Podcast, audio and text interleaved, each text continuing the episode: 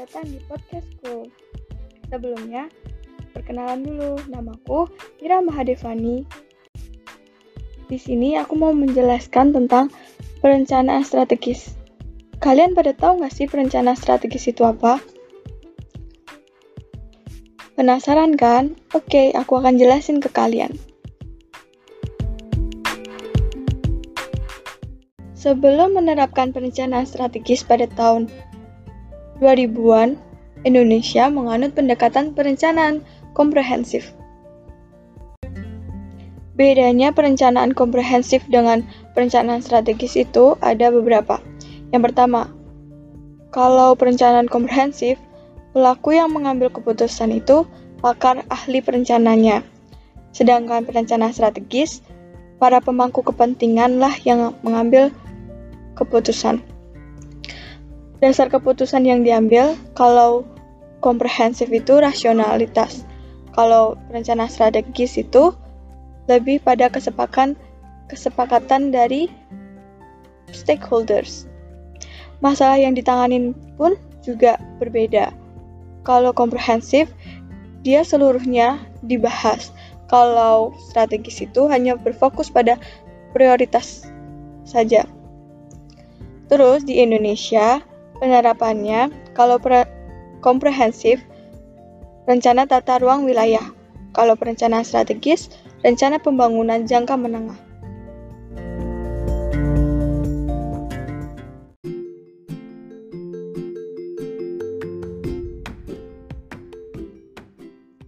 Ada lima sifat-sifat perencanaan strategis. Yang pertama, berorientasi pada tindakan dan hasil. Dengan mengambil keputusan publik. Menurut Benfeld tahun 1959, banyak kasus organisasi, lembaga yang tidak ingin atau tidak mampu melakukan perencanaan rasional komprehensif. Maka dari itu, dicarilah model perencanaan yang mengambil keputusan dengan membatasi lingkupnya dan lebih peka terhadap lingkungan pengambilan keputusan terkait bidang perencanaan, sehingga lebih fokus pada ruang lingkup tersebut. Yang kedua, mewadai partisipasi. Aspirasi-aspirasi dari masyarakat ditampung dan juga menggait berbagai komunitas yang berkaitan dengan perencanaan. Yang ketiga, kajian lingkungan. Perencanaan peka terhadap masalah lingkungan sehingga perencanaan lebih fokus dan meningkatkan pemahaman terhadap resiko serta mencari alternatif lain. Dengan ini, perencana tahu apa ancaman dan peluang yang ada. Yang keempat, perilaku kompetitif. Perencanaan strategis menimbulkan sikap kompetitif dalam masyarakat, baik di tingkat kabupaten sampai antar negara. Sehingga masyarakat diminta untuk mengidentifikasi persaingan dan melakukan antisipasi dari sikap kompetitif. Yang kelima, kekuatan dan kelemahan masyarakat. Dalam perencanaan strategis, menjelaskan kapasitas yang dimiliki komunitas dengan berupaya memaksimalkan kekuatan dan meminimalisir kelemahan.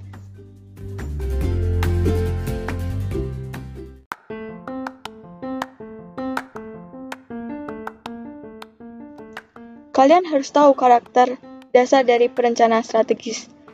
Yang pertama, keputusan diambil dibantu stakeholders terkait dan para ahli perencana.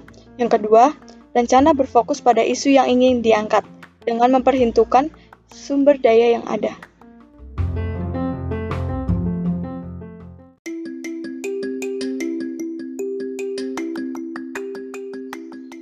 Di sini aku mau jelasin proses perencanaan strategis. Yang pertama, analisis lingkungan, internal dan eksternal analisis internal dari kekuatan dan kelemahan yang dimiliki, eksternal dari peluang dan ancaman yang ada pada kawasan tersebut.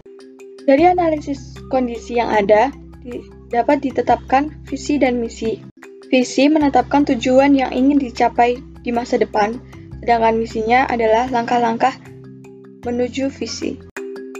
Selanjutnya, dari visi dan misi yang ada serta analisis yang sudah dilakukan, ditetapkannya isu-isu strategis. Pada tahap ini, difokuskan pada salah satu masalah, untuk merencanakan sebuah rencana. Setelah menetapkan isu-isu strategis, selanjutnya perumusan dari tujuan, sasaran, dan strategi yang akan diambil. Step selanjutnya adalah penyusunan program. Pada tahap ini, penyusunan program berupa kebijakan-kebijakan umum dari program yang ingin dibuat.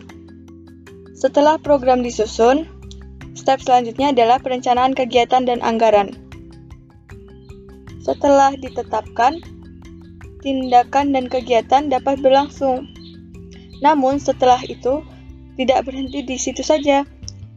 Terdapat monitoring dan evaluasi yang akan memberikan masukan balik untuk memperbaiki proses perencanaan tersebut agar lebih baik lagi, sehingga proses perencanaan strategis ini akan berulang-ulang terus.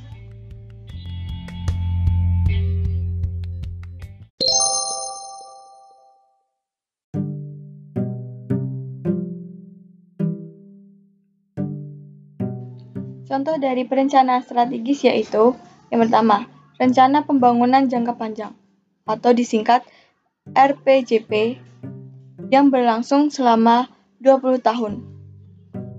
Yang kedua, rencana pembangunan jangka menengah yang disingkat RPJM yang berperiode 5 tahun. Yang terakhir, rencana pembangunan tahunan nasional yang disebut Rencana Kerja Pemerintah atau RKP jang dengan jangka waktu satu tahun.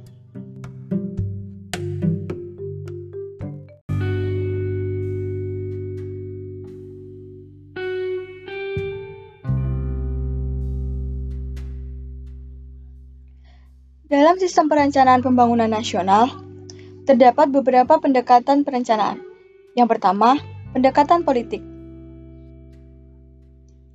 Kepala daerah menghasilkan rencana pembangunan hasil proses politik dengan mewujudkan visi dan misi pembangunan yang telah dijanjikan. Yang kedua, proses teknokratik menggunakan metode dan kerangka berpikir ilmiah oleh lembaga atau satuan kerja yang secara fungsional bertugas untuk itu. Yang ketiga, partisipatif. Dilaksanakan dengan melibatkan seluruh stakeholders. Yang keempat, proses top down and bottom up yang dilaksanakan menurut jenjang pemerintahan.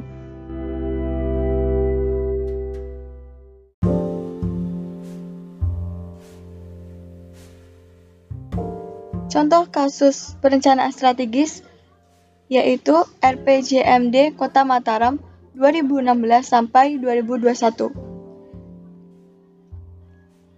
Rencana pembangunan tersebut akan diperbarui pada tahun 2021 mendatang.